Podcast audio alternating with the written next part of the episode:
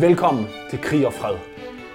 Fem dedikerede afsnit om forsvars- og sikkerhedspolitik, om Danmark i verden og det, der bevæger sig rundt om os. Jeg hedder Lukas Lausen, og med mig har jeg... Jeppe Øvig.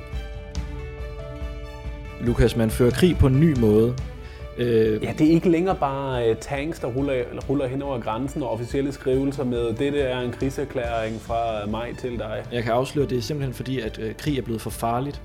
Øh, vi er blevet for gode til at udslette hinanden, og det kan øh, gå for hurtigt, så der er ikke nogen, der tør tage den her åbne konflikt længere. Så i dag ser krig ud på en helt anden måde. Vi øh, så øh, de første penselstrøg af det i øh, nullernes krige i Irak og Afghanistan, men øh, de sidste mange år har øh, særligt et term øh, bestemt den her nye måde at føre krig på. Og vi kalder det hybridkrig. Det er en, øh, det, det, det er en beskrivelse af... Det er sådan et paraplybegreb i virkeligheden. Ja. Der er mange ting, der kommer ind under øh, termen hybridkrig. Mange af dem er øh, som sådan ikke nye, men det er måden, det bliver ført på i det 21. århundrede. Og det er måden, det bliver sammensat på. Altså det, at man... Øh, nogle, af, nogle af de her ting, det er misinformationskampagner på internettet. Det er, øh, at nogle lande prøver at skabe... Øh, nationalisme og nationalistiske bevægelser på den her nations vegne i andre lande og skabe demonstrationer. For på den måde at destabilisere i, i området, inden man så øh, kan rykke ind, som øh, nogen jo for eksempel mener, det var det, der skete i Ukraine. I Ukraine for eksempel, eller øh, under det seneste præsidentvalg i Frankrig for eksempel, hvor, øh, og det kan vi snakke mere om, men hvor der blandt andet har været tydelige tegn på, at den russiske regering har finansierede det yderste højre og det yderste venstre, og øh, enkelte radikale miljøorganisationer for eksempel. Netop med henblikket om, man har ikke nogen politisk ideologi som sådan, man egentlig prøver at, at, at støtte. Det eneste, man virkelig går op i, det er at destabilisere staten og gøre folk trætte af demokratiet. Ja, for hvis, de bliver, øh, hvis borgerne bliver urolige, så øh, bliver landene urolige, og det, det smitter og spreder sig til, til, til hele kontinentet i virkeligheden. Præcis. Og der er nogle, øh, der er nogle øh, regimer her i verden, hvis fremmeste mål det for eksempel er, i, når vi taler om hybridkrig, at øh, omstyrte den europæiske union. Fordi det der sammenhold, der er i... i du, ta- du taler om Rusland nu, gør du ikke det? Ja, jeg taler sgu om Rusland. Lad os, uh, lad os, lad, lad, lad os sige det som det er. Præcis. Og lad os, uh, lad os endelig bare sige det som det er. Ej, det, uh, den her stabilitet, der er i Europa, og den her stabilitet, der er mellem de østeuropæiske, og den der solidaritet, der er mellem de østeuropæiske, syd-, nord- og vesteuropæiske lande, den er en uh, torn i øjet på uh, Vladimir Putin, fordi han jo har en idé om et større Rusland. Jeg tror, han kalder det Novorussia. Um, uh, jeg tror, der er lidt forskellige begreber i omløb for det. Men men, men ideen om, at man måske godt kunne tage nogle af de her tidligere Østbloklande, de her tidligere Sovjetlande tilbage ind i en større russisk, øh, et stort russisk rige. Og, det, og der er det europæ, den europæiske union, hvor nogle af de her lande allerede er en del af, øh, jo en tårnjøret. Øh, og det... Men i forhold til øh, hybridkrig, for at få for os tilbage på sporet, øh, så er det jo øh, i virkeligheden øh, en krig, vi har været i i lang tid, uden at vi måske har været klar over det. Ja. Øh, det men men øh, vi er simpelthen under angreb i Vesten. Øh, med nogle, med nogle af de her øh, hybridkrigsfasonger. En anden interessant ting, det er øh, cyberdelen af hybridkrig, hvor man øh, for eksempel så øh, for nylig, at, øh, at, øh, at mange institutioner i Vesten blev ramt af et øh, virusangreb, hvor man udnyttede en øh, bagindgang i, øh, i øh, Windows-systemet, hvor der for eksempel var hospitaler i Storbritannien, som, som, som simpelthen gik ned. Og, og det, er jo en virkelig, og det er jo i virkeligheden en meget værre form for krigsførsel. Eller kunne man måske argumentere for ind at smide nogle bomber et eller andet sted? Fordi hvis du som fremmed regering kan gå ind og sige, nu lukker jeg alle dine hospitaler, jeg kan effektivt lukke alle dine hospitaler. Der er ingen kraftbehandling, der foregår mere. Der er ingen, der øh, kommer på skadestuen, der kan blive reddet. Øhm, så kan du jo som regering gå ind og sige, Nå, men altså, vi, øh, vi åbner selvfølgelig op for det igen, men I skal bare lige løslade de her 50 fanger, som I har taget fra os, eller I skal bare lige øh, stoppe krigen der, eller I skal bare lige ikke længere støtte det her regime, eller I skal bare lige... Og, og, og Lukas, det er jo selvfølgelig kun, hvis du ved, hvem afsenderen er eller hvis afsenderen giver sig til kende, fordi det du kan med øh, cyberangreb, det er også, at du kan skjule, hvem, hvem, Hvor det du, kommer fra. hvem du er, øh, og det behøver heller ikke være angreb, der øh, kommer fra øh, stater. Nej, det kan i lige så høj grad, og det har vi set tidligere. En hver teenager fra. kan gøre det med, med, en, med en bærbar computer. Jeg nægter at acceptere, at enhver teenager kan gøre det med en bærbar computer, men jeg er enig med dig i, at jeg en kløgtig jeg... teenager, der har noget træning i det her, vi, vi kan gøre det med en bærbar computer. Vi kan lave en, øh, en, en Google-søgningsguide til at komme ud på, på The Dark Web øh, Nej. senere. Jeppe, vi er særligt med den her podcast-række, som hvis jeg må minde dig om, er, er, er, er finansieret af Forsvarsministeriet, så mener jeg ikke, at det vil være en passende prioritering af midlerne, at vi skal lave guides til, hvordan man underløber retsstaten. Men i hvert fald, øh, hybridkrig øh, og paraplytermen, den skal vi øh, høre meget mere om her om lidt.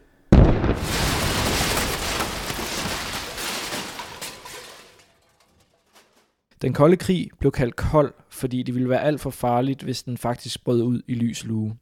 Og det har krigsførsel mere eller mindre været siden. Men hvis man ikke selv har et arsenal af atomvåben til at splitte jorden ad, ja, så kender man jo nok en, der har. Og her kommer hybridkrig ind. Som nævnt er det et paraplybegreb, som bliver brugt til at beskrive krigstaktikker, som ikke ligner, hvad skal man sige, klassisk krigsførsel men det er også en måde, man kan føre krig på, uden at man kan se, at der faktisk er en krig i gang. Uh, I have dealt with this enemy that we're currently up against since 1979. That's longer than some of you have been alive. Det her er Jim Mattis. Dengang han sagde det her, der var han bare general for flåden, så at sige. I dag er han USA's forsvarsminister, og hans ord betyder om noget endnu mere nu, end de gjorde dengang tilbage i 2010, hvor klippet er fra. I, I started as a young captain in that part of the world. I've studied the Mid East. I've got many Arab uh, friends. I've, I've fought there repeatedly. I'll just tell you this enemy means what they say. And they are going to use hybrid forms of warfare because if you take us on at 15,000 feet, uh, we are going to blow you out of the air. if you take us on with the U.S. Army in the open desert, uh, we will annihilate you, what little bit the aviators leave above, above ground. If you take us on in the high seas, we'll burn your ships to the waterline. So they've done what the paradox of war tells us enemies have always done. They have shifted to our perceived weakness. And if we overcorrect, we will actually incite conventional war. Altså det er øh, overordnet set spørgsmål om, hvordan stormagter egentlig kan konkurrere med hinanden. Øh, og det handler om, at verden er et meget farligt sted, øh, og det er nok så farligt, at øh, USA og Rusland og Kina, som er de hovedaktører, jeg kigger på, øh, vil gøre rigtig meget for ikke at gå i krig med hinanden, og derfor prøve at konkurrere på andre måder. Det her til gengæld er André Ken Jacobson. Han forsker i emnet på Københavns Universitet, hvor han er postdoc ved Center for Militære Studier, og det er ham, du kan høre i den her episode det er, det er ikke øh, helt så lige til, øh, fordi som navnet også fortæller, så er det en, en sammenblanding af forskellige øh, virkemidler. Men ideen i, at det er hybrid, øh, det er, at man har de normale, konventionelle militære måder at føre krig på men så blander man det med nogle andre måder at gøre det på. Øh, det vil sige, at man udvider sådan set kamprummet fra slagmarken normalt til, vi skyder med krudt og kugler på hinanden, til at øh, nu laver man også påvirkningskampagner for eksempel. Øh, man blander sig i, i andre staters valghandlinger, eller man, man deler fake news osv. Man sigter simpelthen efter de her brydlinjer, der er i samfund, og så prøver man at udnytte dem. Og det handler også om, om lovgivningsmæssige øh, øh, skillelinjer osv. Altså man prøver at polarisere samfund for ligesom at, at undergrave deres stabilitet på en eller anden måde. Det er sådan øh, det hybride i det. Øh, men den måde, som man har gjort det på over øh, de sidste par år hvor Rusland, er sådan den, den øh, hovedaktøren, kan man sige, som vi ser det i hvert fald fra Vesten, øh, så er der blevet mindre vægt på det militære aspekt. Det klassiske eksempel, det var jo Ukraine øh, hvor man rent faktisk brugte militært øh, fra Ruslands side til at gå ind, øh, de her små grønne mænd. Det holder man sig fra nu, fordi det, det, det er simpelthen for farligt. Ukraine, øh, Krim, det var en, en særlig øh, case. I stedet for så bruger man nogle af de andre virkemidler. Okay, øhm, det lyder lidt som om, at det måske er øhm, altså en moderne udgave af noget, som man et eller andet sted har kendt siden øh, antikken. Altså med, at man også laver en form for propaganda, eller man kan bruge forskellige øh, øh, terrorangreb, øh, eller, eller hvad ved jeg. Altså man ligesom kombinerer øh, krigsførselen. Er det øh, er, er jeg skudt helt ved siden af? Nej, det, det, det er en meget fin formulering af det. Øh, jeg tror bare, at problemet øh, med øh, øh, og forstå den måde, som, som, som Rusland for eksempel gør de her ting på, den hybride del af det, øh, er, at vi fra vestens side ligesom har glemt den her øh, måde at føre krig på. Øh, at efter især den kolde krig, så tænkte vi, okay, men øh, kontrakter og øh, kontanter, det er simpelthen bare det, som øh, vi skal bruge til at skabe fred. Vi handler med hinanden, og så bliver vi enige om at underskrive nogle, nogle øh, traktater, nogle, nogle måder, hvorpå vi opfører os over for hinanden på, og så er det sådan, som, som verden kan reguleres. Øh, og det lykkedes også i en, vis årrække efter den kolde krig, øh, men nu viser det sig så, at der er nogle store magter, som synes, at reglerne måske ikke skal gælde for dem, og at, øh, at Vesten måske har lagt nogle regler ned, som de ikke er enige i. Øh, så begynder de at påvirke det, hele den her regulering og måden, hvorpå den globale verdensorden egentlig øh, fungerer ved nogle andre øh, midler end almindelig krig. Det vi så skal huske på, det er jo, at der er den her øh, nukleare balance, altså vi har atomvåben. Og det gør simpelthen det for farligt øh, at de fleste, øh, der ligesom kigger på Rusland, siger, de vil ikke gå ind i NATO, øh, rent militært, konventionelt, med tanks, der ruller ind over grænserne. Øh, og derfor så er det rigtigt, så kan de agere på en anden måde. Øh, formålet med hele det her øh, fra Ruslands side, det er jo at skabe sig manøvrerum, altså politisk manøvrerum, sådan at øh, man, man synes, at, at NATO kommer for tæt på geografisk. Øh, og så kan man simpelthen, for eksempel som man har gjort i, i Ukraines tilfælde, øh, sørge for, at Ukraine ikke kan optages i NATO, fordi nu er der en, en kold konflikt. Der er hele spørgsmålet om Krim. Der er en form for borgerkrig øh, i landet. Og på den måde kan man sørge for, at der i hvert fald er en form for bufferzone omkring øh, Rusland. Øh, og det er jo en måde at, at, at ændre øh, øh, den mulige NATO-alliance på, men uden krig. Og det er det, de gør.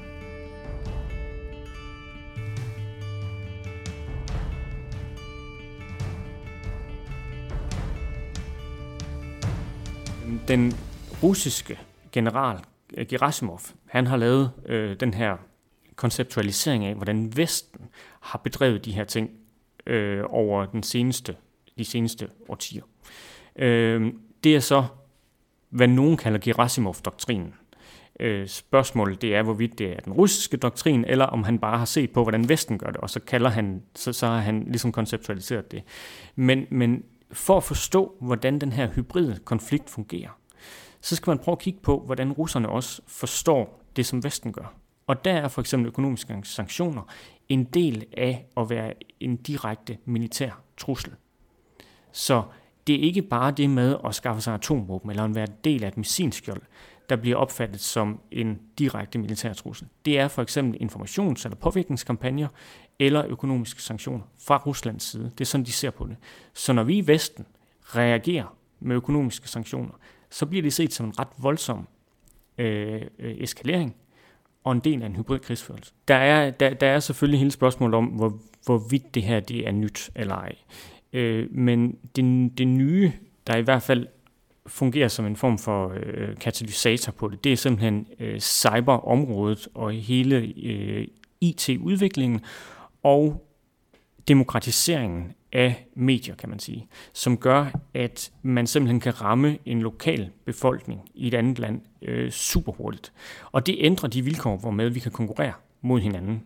Og hvis man ser på eksempelvis det amerikanske præsidentvalg i 2016, hvor alle de amerikanske efterretningstjenester, de siger, at der har russerne rent faktisk forsøgt at påvirke valget til fordel for Donald Trump. Dermed ikke sagt, at Donald Trump var involveret i det, det finder vi ud af på et tidspunkt, øh, hvorvidt hans kampagne havde et samarbejde der. Men russerne forsøgte i hvert fald at påvirke valget på hans øh, øh, behalf, kan man sige. Og det gjorde man ved at øh, gå på øh, øh, Facebook og gå på Twitter og skabe de her grupper, hvor man netop polariserede, fandt de polariserende emner, øh, som handler især om race og om våbenkontrol osv. Den måde at have direkte adgang til en anden til et andet, anden stats befolkning på, øh, og kunne skabe konflikter øh, ved at direkte target, øh, altså sende beskeder direkte til dig som Facebook-bruger, fordi det er det hele Facebook går ud på øh, at man kan sende reklamer til folk. Det er absolut en ny måde at føre øh, hybridkrig, nu siger jeg hybridkrig på, men en del af det er at føre en, en hybridkonflikt. Ukraine er stadigvæk involveret i en hybridkonflikt, som, som Rusland fører, så derfor så er det faktisk måske i virkeligheden dem, der er mest øh, interessant at kigge på, men, men, men de baltiske lande øh, er alle sammen øh, stærkt påvirket af det her. De frygter øh, hvad Rusland eventuelt kan finde på, især fordi der er de her øh, russiske befolkningsgrupper i de baltiske lande, som man kan aktivere fra russisk side, øh, ved for eksempel at gøre opmærksom på, får I de rettigheder, I skal, hvad med det russiske sprog, kan det blive undervist i skolen osv. Men det, der er sket for Ukraine, det er, at det er blevet et øh, land, der er simpelthen blevet en, en, sådan et, øh, et testobjekt for russisk hybridkrigsførelse. At man for eksempel på cyberområdet forsøger at, øh, at, at se, hvad sker der egentlig, hvis vi slukker for, for øh, elektriciteten. Øh, hvor, hvor, hvor dybt kan vi egentlig øh, trænge ind i forskellige infrastrukturelle systemer osv. Så, så det, det er egentlig der, kernen ligger lige nu. Øh, det vil jeg sige, det er nok i Ukraine.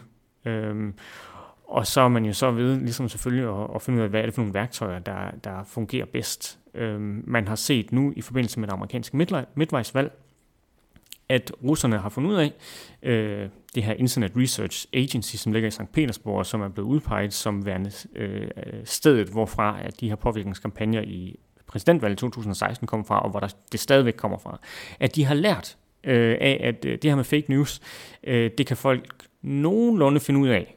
Øh, så derfor så begynder de at bruge mere rigtige nyheder. Så i stedet for at finde på en masse konspirationsteorier, så begynder de at adoptere nogle af de her øh, organiske problemstillinger, som findes i, øh, i det amerikanske samfund, øh, og, og, og bare øh, ligesom forstærker de budskaber, som findes øh, så at man fra Ruslands side går ind og siger, at der er nogle, nogle små grupper her, som siger nogle helt skøre ting. Øh, prøv lige at lytte til dem, og så ser man så, hvad der sker. Var det der, man for nylig så det der eksempel med den video, der blev delt, hvor en kvinde hældte øh, blegemiddel ned i skridtet på mænd i, øh, i, øh, hvad hedder det, i metroen, som øh, manspreadede? Jamen, det, det er et super godt eksempel, øh, fordi at det er jo en debat, der findes også i den danske øh, medievirkelighed, øh, hvor øh, der, der jo er nogen, der mener, at der, altså, det tager simpelthen overhånd. Øh, på, på, i forhold til, øh, hvilke problemstillinger skal vi egentlig gøre til, til noget stort. Øh, når man så ser, at det går til yderligheder, at der er ligesom en kvinde, der går rundt og smider det her blegemiddel på mænd i en, i en metro, fordi de sidder og spreder benene for meget, så tænker folk, wow, okay, nu er det virkelig gået over gevind. Øh, og så skaber det sådan en kunstig debat, som jo reelt set ikke findes i de her lande, fordi at der ikke er nogen, der har gjort det. Øh, så på den måde, så er det et, et, et rigtig godt eksempel på, at man har taget en problemstilling, og så har man simpelthen bare forstærket den. Altså hvis, man, hvis, hvis vi prøver, prøver lige at gå tilbage til starten om, hvad hybridkrigen er, øh, så har Jens Stoltenberg, den nuværende generalsekretær for NATO, øh, kaldt det for the The Dark Reflection of the Comprehensive Approach. Og det er simpelthen den her øh, idé, man havde om øh, at, at tilgå øh, krigen i Afghanistan for eksempel, øh, med at, at, at lave samtænkning mellem civil og militær øh, øh, kapaciteter, og man, man, man, øh, man kæmper mod Taliban, øh, og nedkæmper dem i et område, og så går man ud, så bygger man en skole, hvor piger de også kan få lov til at gå i skole og lære at læse bagefter. Det lyder som en rigtig god idé. Den her idé om at sammenblande både det militære og det politiske og det sociale øh, i de her indsatser, har man så simpelthen taget, det er jo det, som, som Gerasimov-doktrinen peger på, at det er sådan her, Vesten gør det, når det er, de går ud og ændrer øh, øh, øh, en stat, øh, laver regime change osv. Ikke? Den har man simpelthen vendt på hovedet og sagt, så den vender, vender vi vrangen ud af, og så misbruger vi ligesom det, man kan i stedet for. I stedet for at bygge op, så, så splitter vi. Og så splitter vi på alle de her parametre, som man har set, man har forsøgt at, at lappe sammen i andre lande kan give penge til politiske partier i de her lande. Selvfølgelig fordi de er bange for den indflydelse, som, øh, som Kina kan have. En anden del, som jeg faktisk har skrevet en, en artikel om til Raison, øh, det handler om de, øh, det kinesiske bud på de øh, lufthavnsudvidelser, der skal finde sted i Grønland. Og øh, hvor når man ser på, hvordan Kina generelt opfører sig over for små lande, øh, som kan have svært ved at betale de penge tilbage, som, øh, som Kina skyder i de her infrastrukturprojekter rundt om i verden, så er der grund til at være bekymret. Fordi at øh, Kina kan godt lide at veksle øh, øh, økonomiske investeringer til politiske øh, øh, renter, kan man sige. Øh, et eksempel er i Tajikistan, hvor øh, man rent faktisk har afgivet et, øh, et landområde til Kina øh, efter at, at Kina har investeret voldsomt i, øh, i landet. Det var så et landområde, der var øh, omdiskuteret øh, i forvejen over en lang årrække, men det fandt man så en løsning på. Øh, og det var en løsning, der faldt ud til Kinas fordel. Så de, de forstår at både investere i de her lande, øh, som i fremtiden vil være med til at, at øh, skabe en globalisering, der tjener Kinas interesse, øh, og så samtidig øh, presse citronen lidt ekstra. Så det er jo faktisk, altså ud fra øh, hybridkrigsbriller, jo en decideret landerobring, øh, uden, øh, uden at have løsnet et skud. Ja, det er det. Det er også derfor, at det er et, et rimelig ekstremt eksempel, kan man sige. Øh, hvis man spørger kineserne, så har de sikkert en anden udlægning af det. Øh, men øh, for mig at se, så, øh, så, så, så, så, så peger alle spor i retning af, at det her, det skete ikke med Tajikistans øh, gode vilje. Det skete fordi, at man gerne ville være gode venner med kineserne fortsat, og fordi de har så store investeringer i landet. Det er let at tænke hybridkrig som noget, de andre gør, men der findes også klare eksempler på, eller de er ikke helt klare, fordi det er jo sådan med de her ting, at folk og nationer og sådan ikke bekræfter noget, men der findes en veletableret version af nogle begivenheder, som fandt sted i Iran omkring årsskiftet til 2010. Hvis man prøver at kigge på, og det her det er jo så ikke blevet bekræftet fra amerikansk side eller fra israelsk side, øh, men, men de fleste er enige om, at det er sådan, det forholdt sig. Stuxnet, øh, som var en computervirus, som øh, var bygget til at tage de her centrifuger ud i det iranske atomprogram. Øh, simpelthen for at stoppe, eller i hvert fald øh, mindske øh, den hastighed, hvormed man udviklede, øh, hvad amerikanerne mente kunne være øh, iranske atomvåben. Øh, og det var en lille del af den operation. Øh, der er en fantastisk dokumentar om det her, øh, der hedder øh, Zero Days, som også fortæller om den større operation, der øh, hed øh, Nitro Zeus, som simpelthen handlede om, at man kunne slukke for hele Iran, sådan set. Amerikanerne og israelerne i samarbejde var på plads med øh, de her øh, de har implementeret ting i kritisk infrastruktur og kunne simpelthen vælge, øh, hvilke områder de, øh, de ville påvirke, i fald der kom en reel konventionel konflikt, fordi Israel eventuelt ville gå ind i det, og amerikanerne dermed øh, blev, blev draget ind på samme måde. Nu er vi i gang med at tale om den del af hybridkrigen, som foregår på internettet, altså cyberkrigsførsel. Lige for tiden virker det lidt som det vilde vesten. Der sker et angreb et sted, måske var det slet ikke et angreb, måske var det en hackergruppe, måske var det en hackergruppe, som er sponsoreret af en stat, måske er det slet ikke en hackergruppe, måske er det bare en dygtig teenager, som har skjult sine spor, så det ligner, at angrebet kom et andet sted fra. Der er rigtig mange usikkerheder, når man taler om cyberangreb, men måske så kommer der mere orden på området om nogle år.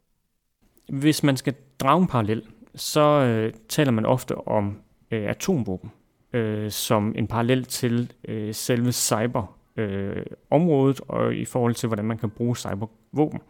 Øh, og der skal man se et, et, et meget, meget stort angreb, og man skal se en meget stor effekt, før at øh, især stormagterne blev enige om, hov, her er noget, vi må regulere. Øh, de fleste peger på Hiroshima som ligesom det afgørende, der er ikke blevet affyret, affyret øh, atomvåben efter Hiroshima øhm, øh, og Nagasaki. Og, og, og, og det er jo et godt eksempel på, at man har set, det var simpelthen for farligt at bruge som et offensivt våben, men defensivt, der fungerer det rigtig godt, fordi lande, stater, der har atomvåben, de bliver ikke invaderet. Så, så på den måde har det faktisk en, en fredskabende effekt. Det er bare meget sværere at gøre med cyber, og det er også der, parallellen lidt knækker. Fordi det er noget, som, som individer endda har adgang til. Individer har ikke adgang til atomvåben, kan ikke udvikle dem selv. Men, men du kan reelt set bare søge lidt på, på, på Google og gå på det dark web, og efter nogle, nogle, nogle, øh, nogle dage, så kan du købe dig sådan et zero-day exploit, som er en, en sårbarhed i for eksempel øh, Microsoft Windows, som ikke er blevet patchet endnu. Og så kan du bruge det, øh, og så kan du sådan set sætte øh, hele øh, verden i, i brand. Øh, så, så eller, eller nøjes med øh, Mærsk og øh, nogle enkelte lande hister her. Ja, for eksempel. Øh, og, og, det, og det er jo et eksempel på, hvor store konsekvenser de her angreb kan have. Hvis man ser på finanskrisen, øh, og ser på, hvilke kolossale bølger det er stedkommet, øh, at der var de her banker, der gik konkurs osv., øh, så kan man forestille sig, hvad et rigtig, rigtig ondskabsfuldt angreb mod den finansielle sektor for eksempel kunne resultere i. Hvilken politisk øh, hvilke politiske sammenbrud det kunne give, når man bare ser på de rystelser, det har bragt gennem Europa og måske også USA. Så der, der, er, der er et super stort potentiale i det, og det har vi ikke formået at, at håndtere endnu, og cyber er bare en, en del af den her hybride krigsførelse. Øhm, du spurgte, hvad fremtiden er for lige præcis det her, og der tror jeg simpelthen, det bliver, at, at vi, vi bliver nødt til at holde os mere fra hinanden, i den forstand, at vi bliver nødt til at, øh, at respektere andre staters, især stormagters suverænitet i højere grad. At øh, man finder simpelthen ud af, at det er for farligt med en gigant som Kina, og en, kan man sige, en spoiler, en, der måske gerne vil ødelægge det lidt mere, øh, end, end godt er, som Rusland. Og så USA, som har haft den her drivkraft om, at øh, menneskerettigheder, demokrati og kapitalisme, det er godt for alle i hele verden. Øh, den går nok ikke i, den, i det lange løb, fordi at, øh, at andre stater, de vil kæmpe imod den amerikanske indflydelse. Og det gør man med de her midler, der kan have kæmpe konsekvenser.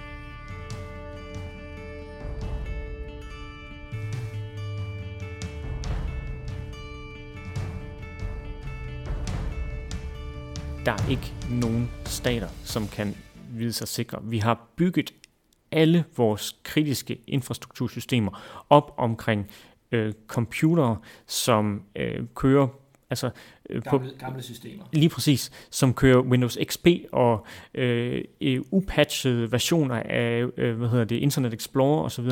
Forestil dig, hvor mange tusindvis af sådan lokale øh, elværker, der findes omkring øh, rundt omkring i verden, som man kan komme ind igennem, og på den måde få adgang til, til, til større netværk osv.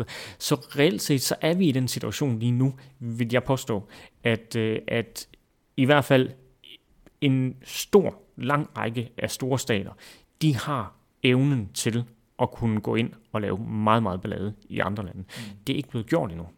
Du, du mener, at det ville være urealistisk, hvis de ikke havde? Ja, det, det vil jeg mene, og det, og, det, og det bliver man simpelthen også nødt til at have. Altså det er en del af det, som man skal opbygge, især som, som en stor eller mellem øh, stor magt. Og, og vi gør det jo også øh, øh, i Danmark, altså øh, i, i hvor høj grad man gør det, det ved vi ikke. Øh, fordi det er selvfølgelig også noget, man skal prøve ligesom at, at, at holde lidt skjult, øh, ligesom israelerne, de stadigvæk ikke officielt har atomvåben.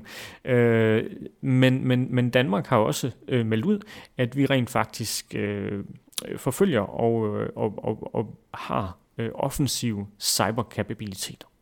Øh, og det bliver man nødt til at have. Også som NATO-allieret for eksempel. Det var det for André Ken Jacobsen, der er postdoc ved Center for Militære Studier.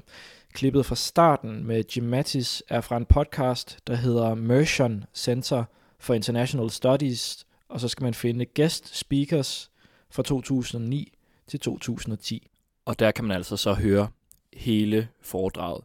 Jeg vil så også lige øh, tilføje, at afhængig af, hvornår du hører den her udsendelse, så er Jim eller James Mattis ikke forsvarsminister for USA længere. Han opsagde nemlig sin stilling, mens vi producerede den her udsendelse. The bottom line is, you're in this world, I can sum up everything I've learned in 41 years of wearing this uniform uh, in three words when you go to war. Improvise, improvise, improvise. You've got to adapt. Uh, what you, what, here's what we must avoid for the U.S. military. We must avoid being dominant and irrelevant at the same time. Dominant in our chosen forms of war, fighting with iconic weapon systems, tank against tank, and this sort of thing, and irrelevant to the security of this country and the realm of ideas that we have. So you've got to be able to adapt. The Darwinian uh, point is, is apt for us. And we will continue on with whatever, wherever the enemy wants to fight, we'll follow him to the ends of the earth. We'll adapt, we'll train, we'll advise, we'll mentor, and we'll fight. And we'll fight well.